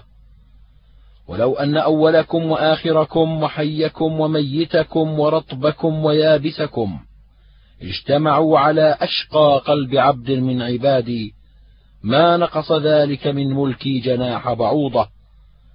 ولو أن أولكم وآخركم وحيكم وميتكم ورطبكم ويابسكم اجتمعوا في صعيد واحد فسأل كل إنسان منكم ما بلغت أمنيته فأعطيت كل سائل منكم ما سأل ما نقص ذلك من ملكي إلا كما لو أن أحدكم مر بالبحر فغمس فيه إبرة ثم رفعها إليه ذلك بأني جواد ماجد أفعل ما أريد عطائي كلام وعذابي كلام. إنما أمري لشيء إذا أردته أن أقول له كن فيكون. قال هذا حديث حسن. وروى بعضهم هذا الحديث عن شهر بن حوشب عن معد يكرب عن أبي ذر عن النبي صلى الله عليه وسلم نحوه. حدثنا عبيد بن اسباط بن محمد القرشي حدثنا أبي حدثنا الأعمش عن عبد الله بن عبد الله الرازي عن سعد مولى طلحة عن ابن عمر قال سمعت النبي صلى الله عليه وسلم يحدث حديثا لو لم أسمعه إلا مرة أو مرتين حتى عد سبع مرات ولكني سمعته أكثر من ذلك. سمعت رسول الله صلى الله عليه وسلم يقول كان الكفل من بني إسرائيل لا يتورع من ذنب عمله فأتته امرأة فأعطاها ستين دينارا على أن يطأها. فلما قعد منها مقعد الرجل من امرأته أرعدت وبكت فقال ما يبكيك؟ أأكرهتك؟ قالت لا ولكنه عمل ما عملته قط وما حملني عليه إلا الحاجة. فقال تفعلين أنت هذا وما فعلته؟ اذهبي فهي لك. وقال لا والله لا أعصي الله بعدها أبدا فمات من ليلته فأصبح مكتوبا على بابه إن الله قد غفر للكفل. قال أبو عيسى هذا حديث حسن قد رواه شيبان وغير واحد عن الأعمش نحو هذا ورفعوه. وروى بعضهم عن الأعمش فلم يرفعه. وروى أبو بكر بن عياش هذا الحديث عن الأعمش فأخطأ فيه. وقال عن عبد الله بن عبد الله عن سعيد بن جبير عن ابن عمرو وهو غير محفوظ. وعبد الله بن عبد الله الرازي هو كوفي وكانت جدته سرية لعلي بن أبي طالب وروى عن عبد الله بن عبد الله الرازي عبيدة الضبي والحجاج بن أرطأة وغير واحد من كبار أهل العلم. حدثنا هناد أخبرنا أبو معاوية عن الأعمش عن عمارة بن عمير عن الحارث بن زويد. حدثنا عبد الله بحديثين أحدهما عن نفسه والآخر عن النبي صلى الله عليه وسلم. قال عبد الله إن المؤمن يرى ذنوبه كأنه في أصل جبل يخاف أن يقع عليه وإن الفاجر يرى ذنوبه كذباب وقع على أنفه قال به هكذا فطار. قال رسول الله صلى الله عليه وسلم لله أفرح بتوبة أحدكم من رجل بأرض فلاة دوية مهلكة معه راحلته عليها زاده وطعامه وشرابه وما يصلحه فأضلها فخرج في طلبها حتى إذا أدركه الموت قال أرجع إلى مكان الذي أضللتها فيه فأموت فيه. فرجع إلى مكانه فغلبته عينه فاستيقظ فإذا راحلته عند رأسه. عليها طعامه وشرابه وما يصلحه. قال أبو عيسى هذا حديث حسن صحيح وفيه عن أبي هريرة والنعمان بن بشير وأنس بن مالك عن النبي صلى الله عليه وسلم. حدثنا أحمد بن منيع حدثنا زيد بن حباب حدثنا علي بن مسعدة الباهلي حدثنا قتادة عن أنس أن النبي صلى الله عليه وسلم قال: كل ابن آدم خطاء وخير الخطائين التوابون. قال أبو عيسى: هذا حديث غريب لا نعرفه إلا من حديث علي بن مسعدة عن قتادة. حدثنا سويد أخبرنا عبد الله بن المبارك عن معمر عن الزهري عن أبي سلمة عن أبي هريرة عن النبي صلى الله عليه وسلم قال من كان يؤمن بالله واليوم الآخر فليكرم ضيفه ومن كان يؤمن بالله واليوم الآخر فليقل خيرا أو ليصمت. قال أبو عيسى هذا حديث صحيح. وفي الباب عن عائشة وأنس وأبي شريح العدوي الكعبي الخزاعي واسمه خويلد بن عمرو. حدثنا قتيبة حدثنا ابن لهيعة عن يزيد بن عمرو المعافري عن أبي عبد الرحمن الحبلي عن عبد الله بن عمرو قال قال رسول الله صلى الله عليه وسلم من صمت نجا. قال أبو عيسى هذا حديث غريب لا نعرفه إلا من حديث ابن لهيعة وأبو عبد الرحمن الحبلي هو عبد الله بن يزيد. حدثنا محمد بن بشار حدثنا يحيى بن سعيد وعبد الرحمن بن مهدي. قالا حدثنا سفيان عن علي بن الأقمر عن أبي حذيفة وكان من أصحاب ابن مسعود عن عائشة قالت: حكيت للنبي صلى الله عليه وسلم رجلا فقال: ما يسرني أني حكيت رجلا وأن لي كذا وكذا. قالت: فقلت يا رسول الله إن صفية امرأة وقالت بيدها هكذا كأنها تعني قصيرة. فقال: لقد مزجت بكلمة لو مزجت بها ماء البحر لمزج. حدثنا هناد حدثنا وكيع عن سفيان عن علي بن الأقمر عن أبي حذيفة عن عائشة قالت: قال رسول الله صلى الله عليه وسلم: ما أحب أني حكيت أحدا وأن لي كذا وكذا. قال أبو عيسى: هذا حديث حسن صحيح وأبو حذيفة هو كوفي من أصحاب ابن مسعود ويقال اسمه سلمة بن صهيبة.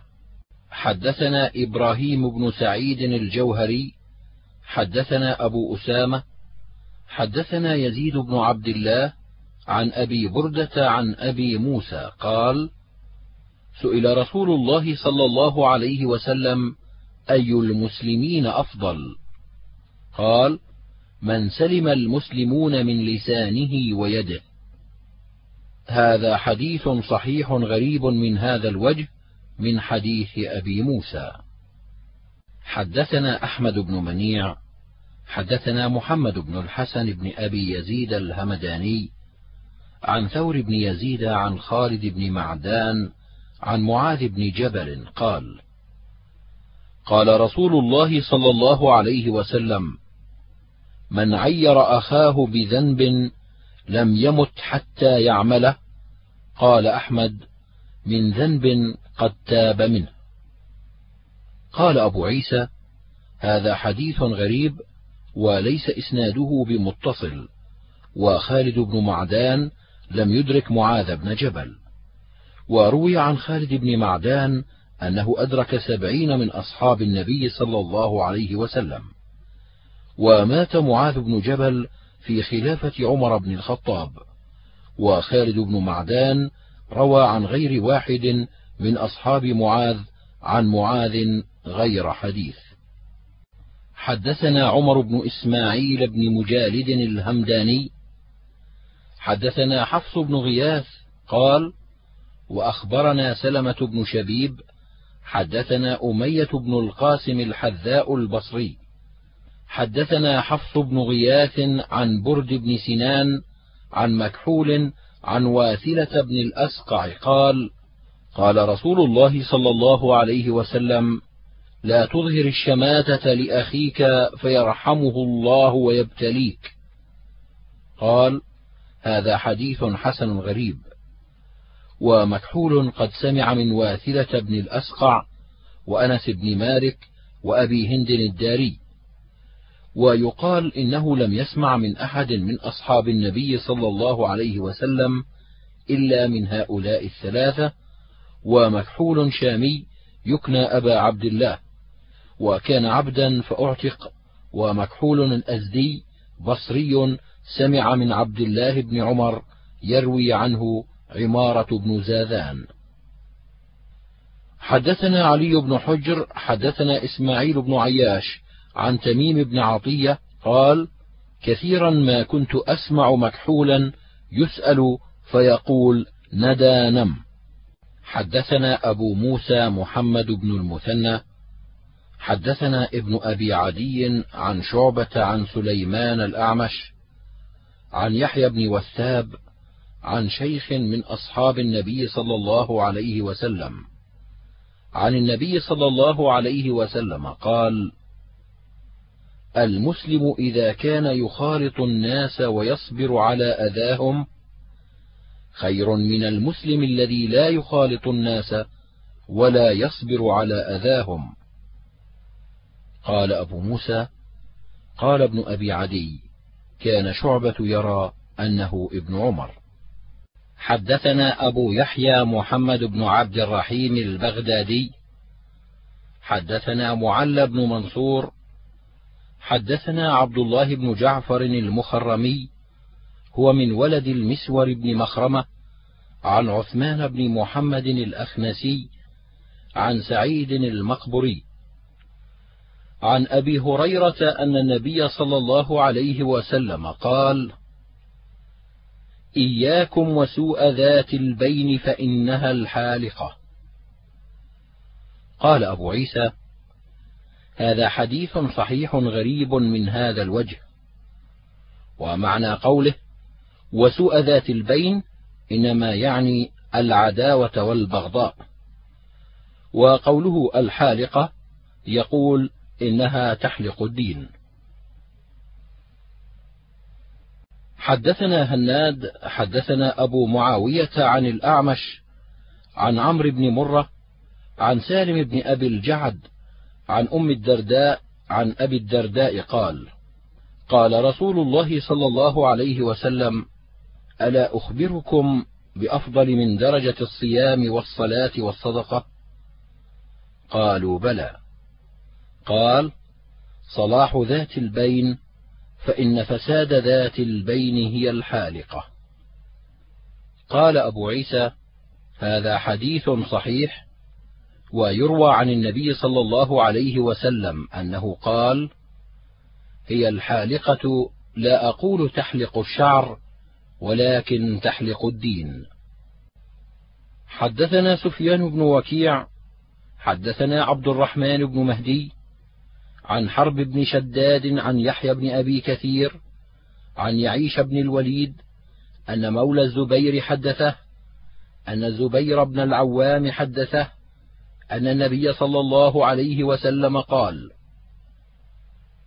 دب إليكم داء الأمم الحسد والبغضاء هي الحالقة. لا أقول تحلق الشعر ولكن تحلق الدين. والذي نفسي بيده لا تدخلوا الجنة حتى تؤمنوا ولا تؤمنوا حتى تحابوا. أفلا أنبئكم بما يثبت ذاكم لكم؟ أفشوا السلام بينكم.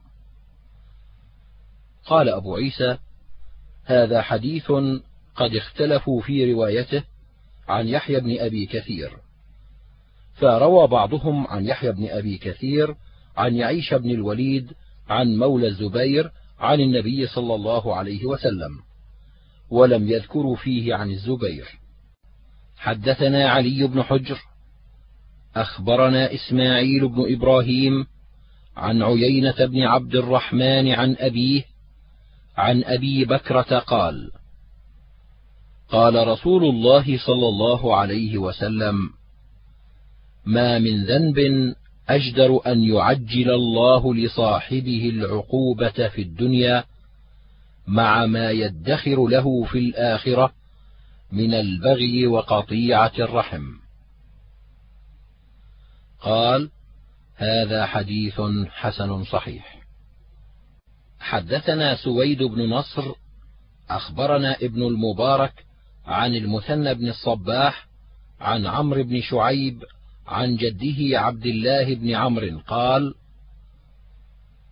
سمعت رسول الله صلى الله عليه وسلم يقول خصلتان من كانتا فيه كتبه الله شاكرا صابرا ومن لم تكونا فيه لم يكتبه الله شاكرا ولا صابرا.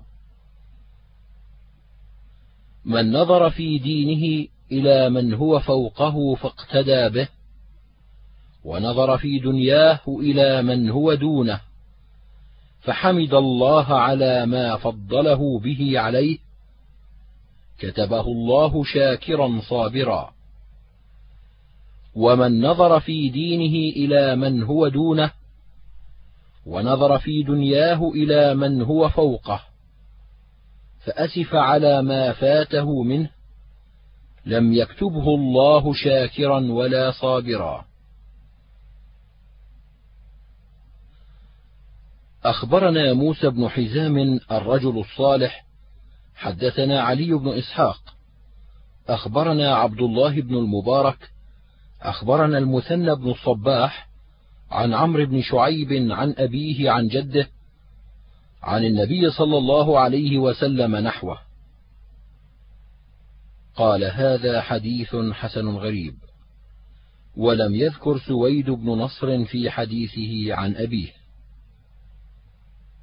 حدثنا أبو كريب حدثنا أبو معاوية ووكيع عن الأعمش عن أبي صالح عن أبي هريرة قال قال رسول الله صلى الله عليه وسلم انظروا إلى من هو أسفل منكم ولا إلى من هو فوقكم. فإنه أجدر أن لا تزدروا نعمة الله عليكم. هذا حديث صحيح.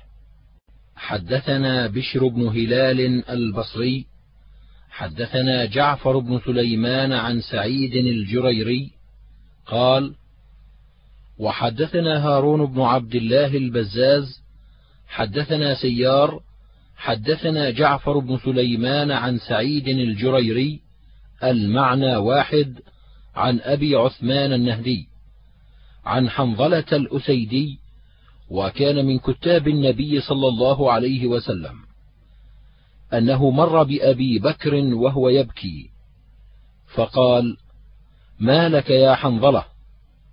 قال نافق حنظلة يا أبا بكر. نكون عند رسول الله صلى الله عليه وسلم يذكرنا بالنار والجنة كانا رأي عين فإذا رجعنا إلى الأزواج والضيعة نسينا كثيرا. قال فوالله إنا لكذلك انطلق بنا إلى رسول الله صلى الله عليه وسلم. فانطلقنا فلما رآه رسول الله صلى الله عليه وسلم قال ما لك يا حنظلة؟ قال نافق حنظلة يا رسول الله. نكون عندك تذكرنا بالنار والجنة كانا رأي عين.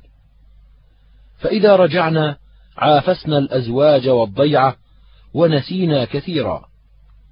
قال فقال رسول الله صلى الله عليه وسلم لو تدومون على الحال الذي تقومون بها من عندي لصافحتكم الملائكة في مجالسكم وفي طرقكم. وعلى فرشكم. ولكن يا حنظلة ساعة وساعة وساعة وساعة. قال أبو عيسى هذا حديث حسن صحيح.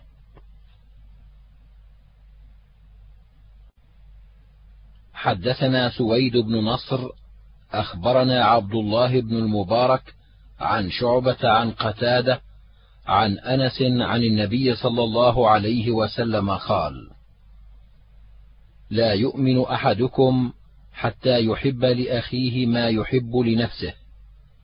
قال هذا حديث صحيح. حدثنا أحمد بن محمد بن موسى أخبرنا عبد الله بن المبارك أخبرنا ليث بن سعد وابن لهيعة عن قيس بن الحجاج قال وحدثنا عبد الله بن عبد الرحمن أخبرنا أبو الوليد. حدثنا ليث بن سعد.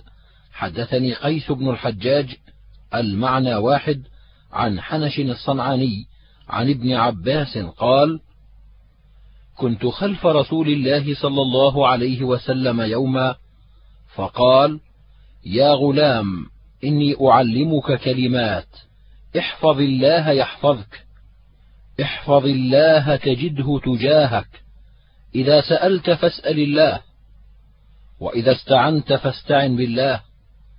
واعلم أن الأمة لو اجتمعت على أن ينفعوك بشيء لم ينفعوك إلا بشيء قد كتبه الله لك. ولو اجتمعوا على أن يضروك بشيء لم يضروك إلا بشيء قد كتبه الله عليك. رفعت الأقلام وجفت الصحف. قال هذا حديث حسن صحيح. حدثنا عمرو بن علي حدثنا يحيى بن سعيد القطان حدثنا المغيرة بن أبي قرة السدوسي. قال: سمعت أنس بن مالك يقول: قال رجل: يا رسول الله أعقلها وأتوكل أو أطلقها وأتوكل؟ قال: اعقلها وتوكل. قال عمرو بن علي: قال يحيى: وهذا عندي حديث منكر قال أبو عيسى وهذا حديث غريب من حديث أنس لا نعرفه إلا من هذا الوجه وقد روي عن عمرو بن أمية الضمري عن النبي صلى الله عليه وسلم نحو هذا. حدثنا أبو موسى الأنصاري حدثنا عبد الله بن إدريس حدثنا شعبة عن بريد بن أبي مريم عن أبي الحوراء السعدي قال قلت للحسن بن علي ما حفظت من رسول الله صلى الله عليه وسلم؟ قال حفظت من رسول الله صلى الله عليه وسلم دع ما يريبك إلى ما لا يريبك فإن الصدق طمأنينة وإن الكذب ريبة. وفي الحديث قصة. قال وأبو الحوراء السعدي اسمه ربيعة بن شيبان. قال وهذا حديث حسن صحيح. حدثنا بندار حدثنا محمد بن جعفر المخرمي حدثنا شعبة عن بريد فذكر نحوه. حدثنا زيد بن أخزم الطائي البصري حدثنا إبراهيم بن أبي الوزير حدثنا عبد الله بن جعفر المخرمي عن محمد بن عبد الرحمن عن نبيه عن محمد بن المنكدر عن جابر قال ذكر رجل عند النبي صلى الله عليه وسلم بعبادة واجتهاد وذكر عنده آخر برعة فقال النبي صلى الله عليه وسلم لا تعدل بالرعة. وعبد الله بن جعفر هو من ولد المسور بن مخرمة وهو مدني ثقة عند أهل الحديث. قال أبو عيسى هذا حديث حسن غريب لا نعرفه إلا من هذا الوجه. حدثنا هناد وأبو زرعة وغير واحد قالوا أخبرنا قبيصة عن إسرائيل عن هلال بن مقلاص الصيرفي عن أبي بشر عن أبي وائل عن أبي سعيد الخدري قال قال رسول الله صلى الله عليه وسلم من أكل طيبا وعمل في سنة وأمن الناس بوائقه دخل الجنة. فقال رجل يا رسول الله إن هذا اليوم في الناس لكثير. قال وسيكون في قرون بعدي. قال أبو عيسى هذا حديث غريب لا نعرفه إلا من هذا الوجه من حديث إسرائيل. حدثنا عباس الدوري حدثنا يحيى بن أبي بكير عن إسرائيل بهذا الإسناد نحوه. وسألت محمد بن إسماعيل عن هذا الحديث فلم يعرفه إلا من حديث إسرائيل ولم يعرف اسم أبي بشر.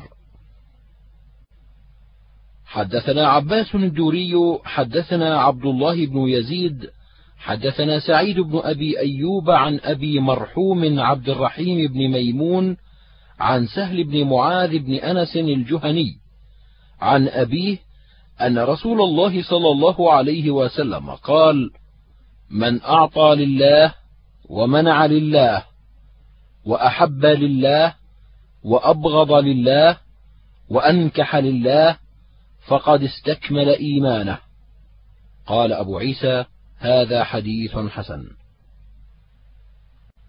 حدثنا العباس الدوري حدثنا عبيد الله بن موسى أخبرنا شيبان عن فراس عن عطية عن أبي سعيد الخدري عن النبي صلى الله عليه وسلم قال أول زمرة تدخل الجنة على صورة القمر ليلة البدر والثانية على لون أحسن كوكب دري في السماء. لكل رجل منهم زوجتان على كل زوجة سبعون حلة يبدو مخ ساقها من ورائها. قال هذا حديث حسن صحيح.